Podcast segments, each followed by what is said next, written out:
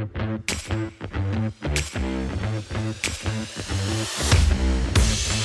goed dat je luistert naar een nieuwe aflevering van de podcast. Thomas hier en vandaag wil ik het gaan hebben over iets wat mij verschrikkelijk veel pijn doet. En dat is dat de meeste mensen denken dat het leven een voetbalwedstrijd is.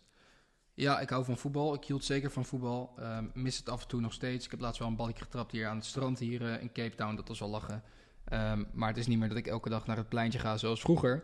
Los daarvan, wat me dus heel veel pijn doet om te zien, is dat de meeste mensen zijn hun hele leven, en echt hun hele leven oprecht, gewoon iedere dag aan het toekijken. Alsof ze een soort toeschouwers zijn. Alsof ze eh, in het stadion zitten of staan met een vlag en een beetje zitten te kijken met een fufuzela en denken van hé, hey, het leven is een voetbalwedstrijd, ik ga gewoon toekijken. Ik wacht wel gewoon af.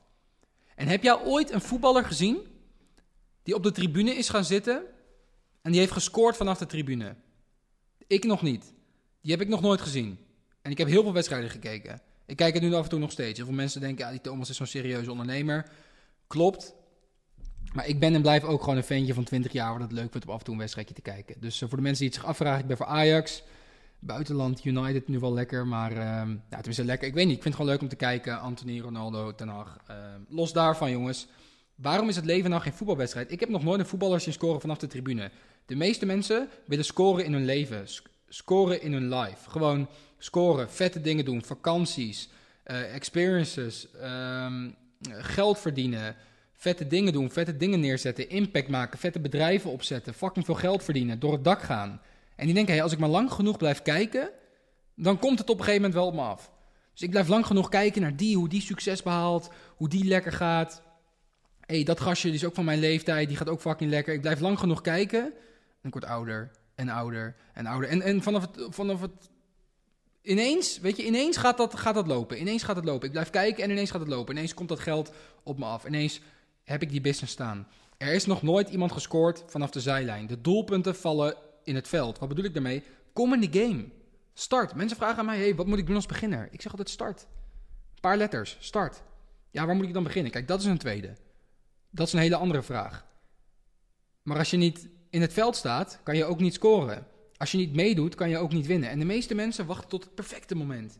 Perfecte moment om het veld in te stappen. Maar dat perfecte moment bestaat niet. En sterker nog, als jij alleen kan presteren op het perfecte moment, dan ga je het sowieso niet redden. Waarom? De omstandigheden zijn niet altijd perfect.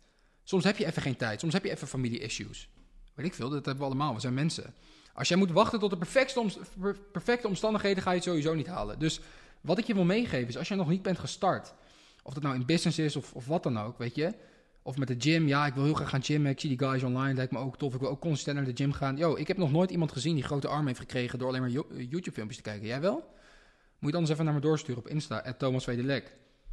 Thanks man, zal ik er even naar kijken. Nee, maar even serieus jongens. Waarom, waarom denken we dat toch? Waarom denken we dat als we maar lang genoeg blijven kijken dat het gebeurt? En dat is gewoon zo jammer. De meeste mensen die falen niet omdat ze niet zijn begonnen, zeg maar. Maar er, heel veel mensen die, ja, weet je, falen is nodig voor succes. Ik weet het allemaal, maar die, die, die, die behalen het gewoon niet omdat ze nooit zijn begonnen. Moet je nagaan hoe zonde dat is. Dan ben je straks 35, heb je kinderen. Hé hey, papa, hoe, uh, wat, heb jij eigenlijk, wat wil jij eigenlijk worden toen je 23 was? Ben je op dat moment, uh, weet ik veel, heb je een kantoorbaan? En je moet dan tegen jouw kleine meisje, moet jij zeggen... ja, papa wou ondernemer worden, maar die was alleen maar aan het toekijken. Schaam jij je dan niet? Schaam je je dan niet een beetje voor jezelf? Of naar je, naar je dochtertje toe? Ik zou me kapot schamen. Zeg ik dat het ergens om een kantoorbaan te hebben? Absoluut niet. Absoluut niet. Weet je, je kan heel gelukkig leven leiden als je op kantoor werkt. Lijkt me niet heel leuk om uh, elke dinsdagochtend die verhalen van Greet aan te horen. Van, oh, het was weer koud vanochtend op de fiets, hè? Het was, weer koud vanochtend op de fiets. Ja, Greet, het was koud. Het is altijd koud in november in Nederland, Greet. Of, oh, wat zijn ze groot geworden, die kinderen van jou? Oh, wat is, uh, wat is het koffieapparaat weer, weer lang bezet? Lijkt me niet heel chill. Maar los daarvan, ik denk dat je een prima leven kan leven op kantoor. Het ding is alleen dat je dan 35 bent. en als jij op je 22ste iets anders wou, dan zijn we dus 13 jaar verder. En dan is dat gewoon heel erg zonde. Dus denk even na. Stel je voor, ik zou blijven doen wat ik nu aan het doen ben in mijn leven. Of je nou wel bent gestart of niet. Stel je voor, hele simpele vraag. Schrijf nu op. Pak een notitieboek. Ik wacht even, vijf tellen. Ja, heb je een notitieboek? Of notities in je telefoon? Ik wacht hoor. Oké, top. Wat zou er met mijn leven gebeuren de komende 10 jaar, of laten we zeggen de komende 12 maanden, als ik blijf doen wat ik nu doe?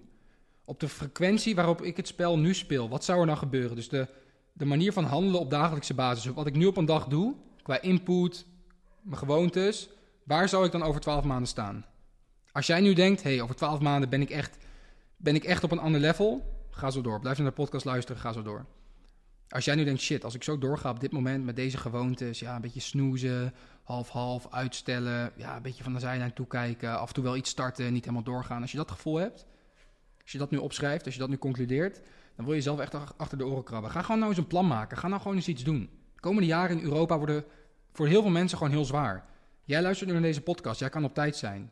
Jij kan zelf de touwtjes in handen nemen. Jij wilt niet als je 35 bent tegen jouw dochtertje moeten zeggen... hey, papa die wou, toen hij 22 was, wou die ondernemer worden. Maar omdat hij verslaafd was aan het algoritme... heeft hij alleen maar zitten scrollen en heeft hij nooit iets gedaan. Dat wil je niet, toch? Alright, dus ga lekker aan de slag. Sowieso thanks dat je hebt geluisterd naar deze podcast. Ik waardeer het enorm. Um, ik ga over een paar dagen ga ik hier weg in Kaapstad, helaas.